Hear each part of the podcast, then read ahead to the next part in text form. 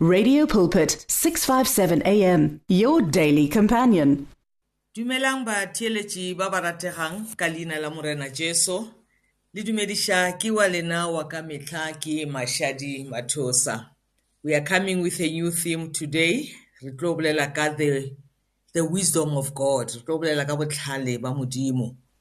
Bjaka re tlwaetše batheeletši ba ka ke kgopela before re thoma nke re thomeng ka thapelo papa ka leina le lebotse la morena jesu re a go leboga morena wa rena gore fa nako ya go tlo bolela ka dintšu la gago re a go mema e tla o tlo be le rena re rute modimo wa ka ya lokile re kgone go kwešiša botlhale ba modimo.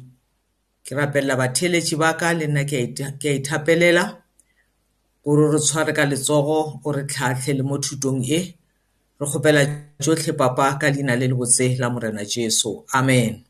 Batheeletši ba ka ke kgopela gore re thome ka go bala mo go proverbs chapter 4 re ilo thoma go bala ka verse 5 bjaka ke boletše gore re tlo bolela ka the wisdom of god re tlo bolela ka botlhale bja modimo. Ke dumela gore mafelelong a thuto e motheeletši wa ka nna le lena re tla ba re kwešiša ka botebo gore na baebele ge e bolela ka botlhale ba modimo e tlhalosa eng? Ene gape ge e bolela ka botlhale bja lefase goba botlhale bjo bo tšwang go satane e tlhalosa jwang? So ge ke be ke lebelela tlhaloso ya the word wisdom wisdom can refer to intelligence. Wisdom can re- refer to perception you know? It can refer to insight it can refer to understanding you know just to be able to think wisely. And then the opposite of which uh, is foolishness you know if you you are not walking in the in the wisdom of god. The bible normally referred to you as a person who's walking in in foolishness. So it is very very very important bazalwane as christians that we should make sure we obtain the wisdom of god and also walk in it. So re lo bala proverbs chapter 4 re thome mo verse 5 those who've got uh, pieces of paper and a pen i would encourage you to keep writing the scriptures down so that at your own time le kgone go ipalela tšona proverbs chapter 4 verse 5 e bolela mantswe a gore get wisdom. You know? This is an instruction from god. As bana ba modimo ga re iphelele re phelela re phela ka melao ya modimo re phela re laya ke modimo. So lentswe la modimo le re get wisdom ke proverbs 4 verse 5 get wisdom that is an instruction. Get understanding you know? Ene modimo wa tlhalosa gore na how do we get wisdom? How do we get understanding? As a child of god you are not expected to walk around foolish. As a child of god you are not expected to walk around ignorant or without understanding. The instruction that we are getting right at the beginning of this uh, series modimo o re get wisdom get understanding.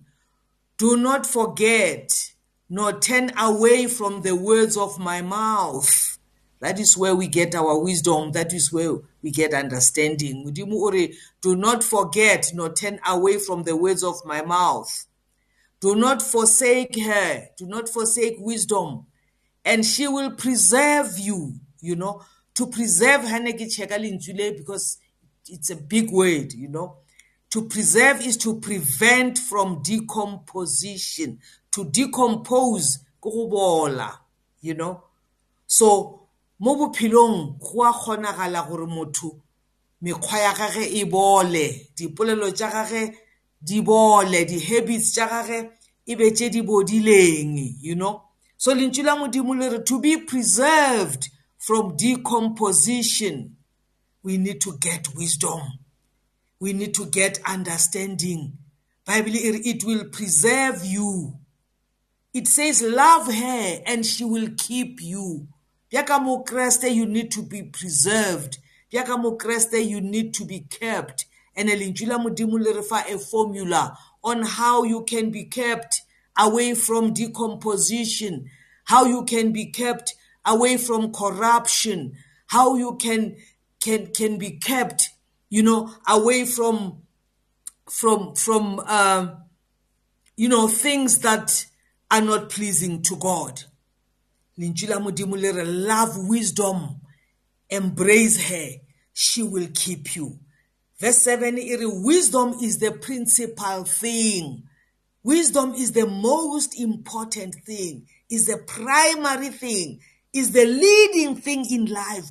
Wisdom is the principal thing. So lentswe la modimo le re therefore get wisdom.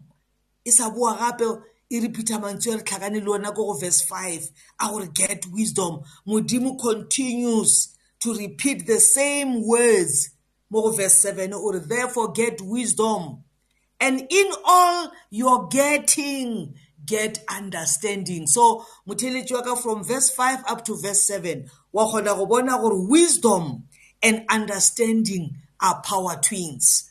You know ge o nyaka go ba le kwešišo ye e leng gore e tlhamaletše motheletši wa ka you cannot do that without obtaining the wisdom of God. And how do we obtain the wisdom of God? Is to mo verse 5 verse uh, uh, uh, b part ya gona e re do not forget nor turn away from the words of my mouth modimo o rile ga a sena bitša joshua a mo fa mantswe a mo fa baebele a mo fa mantswe a tswa mo go yena a mo fa molao. A re this book of the law you know must remain in your mouth. You must not forsake her. She will preserve you. You must love her and she will keep you. So god is still giving us the very same book that he gave to joshua. And re a tseba how joshua overcame battles. Mo bophelong ba gage how he was preserved through the journey in the desert and how he took possession of the promises of God because he embraced the law of God. He loved her, and the law of God was able to preserve him. The law of God was able to, you know, to keep him. So that is the very same spirit I'm coming with to you, Mutele Chiwaka. We are talking about the wisdom of God, the wisdom that is able to preserve us, the wisdom that is able to keep us, the wisdom that is able to make us inherit everything that God has promised us. Ke fetša go tlhalosa gore Joshua ga na thoma mošomo wa gage ge modimo a ne a mmitša he gave him the law. And this law must not depart out of your mouth. Meditate upon it. You know, it will not be possible for you to hold on to the word of God like that if you don't love the word of God, if you don't embrace it. Joshua was able to embrace the law. He was able to meditate upon it day and night. That is why he was successful. That is why he overcame in all the wars that he was fighting. That is why he survived the wilderness, and that is how he was able to inherit the promised land that God promised uh, their father Abraham. So Bible iri mutheletši wa ka wisdom is the principal thing.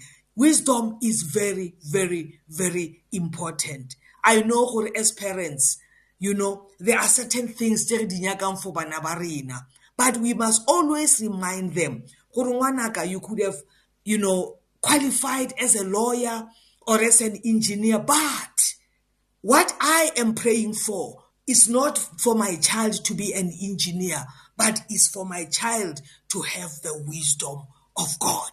gobane ge a kry-ile botlhale ba modimo motheletši wa ka bo tlo mo preserva as an engineer re thoma go kwa lentšu la modimo mamotlha gore this wisdom can preserve a person it can prevent you from decomposition. It can prevent you, you know, from falling apart, you know, when, when times become difficult. So it, it is so of no use to guarantee our children's future in terms of their careers only. We also need to guarantee their future because the wisdom of God is everything that they are looking for, that they will ever need in their lives. Wisdom is the principal thing, is the most important thing. Therefore, get wisdom. And in all you are getting, get understanding a re reng le ge re tloga mo lefaseng motheletši wa ka re tlogele bana ba e leng gore ba na le botlhale bja modimo re tlogele bana ba e leng gore ba na le understanding ya modimo gobane ke yona e leng gore e tlo ba preserva ke yona e leng gore e tlo ba keeper it doesn't help go tlogela bana ba matitšhere go tlogela bana ba di-engineer go tlogela bana ba di-doctor ba e leng gore ga bana botlhale ba modimo ba e leng gore ga bana understanding ya modimo. The best thing we can do for them is to make sure that they acquire the wisdom of god. They acquire also the understanding ya modimo. Ke proverbs chapter 4 verse 7 e re with all thy getting, get understanding and get wisdom. Verse 80 elevate her, hold her in high regard. You know, ke a tseba gore bana ba rena ba di tlhompha di-profession tša bona ba di tlhompha di-opportunities tša bona tše ba di hweditšeng ba itlhompha mebereko ya bona they are enjoying the fruits of their labor tše modimo a ba fileng tšona empa lentšu la modimo le re above all those things, they need to elevate the wisdom of God. They need to elevate understanding. Gobane understanding motheletši wa ka and the wisdom of God will be able to preserve them, will be able to keep them. a modimo a re fe mogao motheletši wa ka wa go rapela thapelo ya gore modimo preserve our children keep our children and the only way god can do it is to give them his wisdom, is to give them his understanding. Iri Bible iri elevate wisdom, hold her in high regard, and she will promote you. promotion doesn't come from the east, nor from the west, nor from the south, nor from the Lord north, but it comes from the Lord. You know, then botlhale bola bible e re it will promote them. And gape ge e tswela pele e re she will bring you honor. Wisdom ya modimo will bring you honor. Bjale ka ngwana when you embrace her that is what verse 8 is saying she will bring you honor. The wisdom of god will bring you honor when you embrace her. Pelo ya ka mo motlha ke gore motheletši wa ka let us turn people's hearts towards god. So that they will know it's only in God where we can find promotion. It's only in God where we can be preserved. It's only in God where we can be kept. And it's only in God where we can be brought honor. She will place on, uh, uh, uh, God's wisdom will place on your head an ornament of grace. In other words, she will place on your head an ornament of elegance. There will be this divine dignity around you. You know, ge o tshwere botlhale ba modimo o bo phagamišitše godimo ga dilo ka moka tše o nang le tšona godimo ga ga dikoloi godimo ga ga dijo godimo ga diaparo godimo ga dilo tšeo ka di nwang godimo ga each and everything ye tshwaregang ka matsogo bible e re exalt her elevate her, hold her in high regard. This wisdom of God. Today, monate motheletši wa ka, I am enjoying it so much. So, ke mantswe ya ka nako e mpheletše i still have a lot that i still want to share with you fela re santsane re na le nako bekeng e tla motheletši wa ka to carry on I've given you the scriptures. Our slot next week, Friday. Continue reading these scriptures. Continue meditating upon them. Bible, if you meditate upon these scriptures, if you meditate upon these words, the Lord will give you even more understanding. Wisdom, the wisdom of God. It can, it can preserve us. It can protect us. You know, a re tsweleng pele bjale meditating upon it until re tlo kopana gape a modimo wa kgotso a le tlhogonolofatše The words of the Lord are words of life. Your heart is on 657 AM. 657 AM. Radio for believers in action.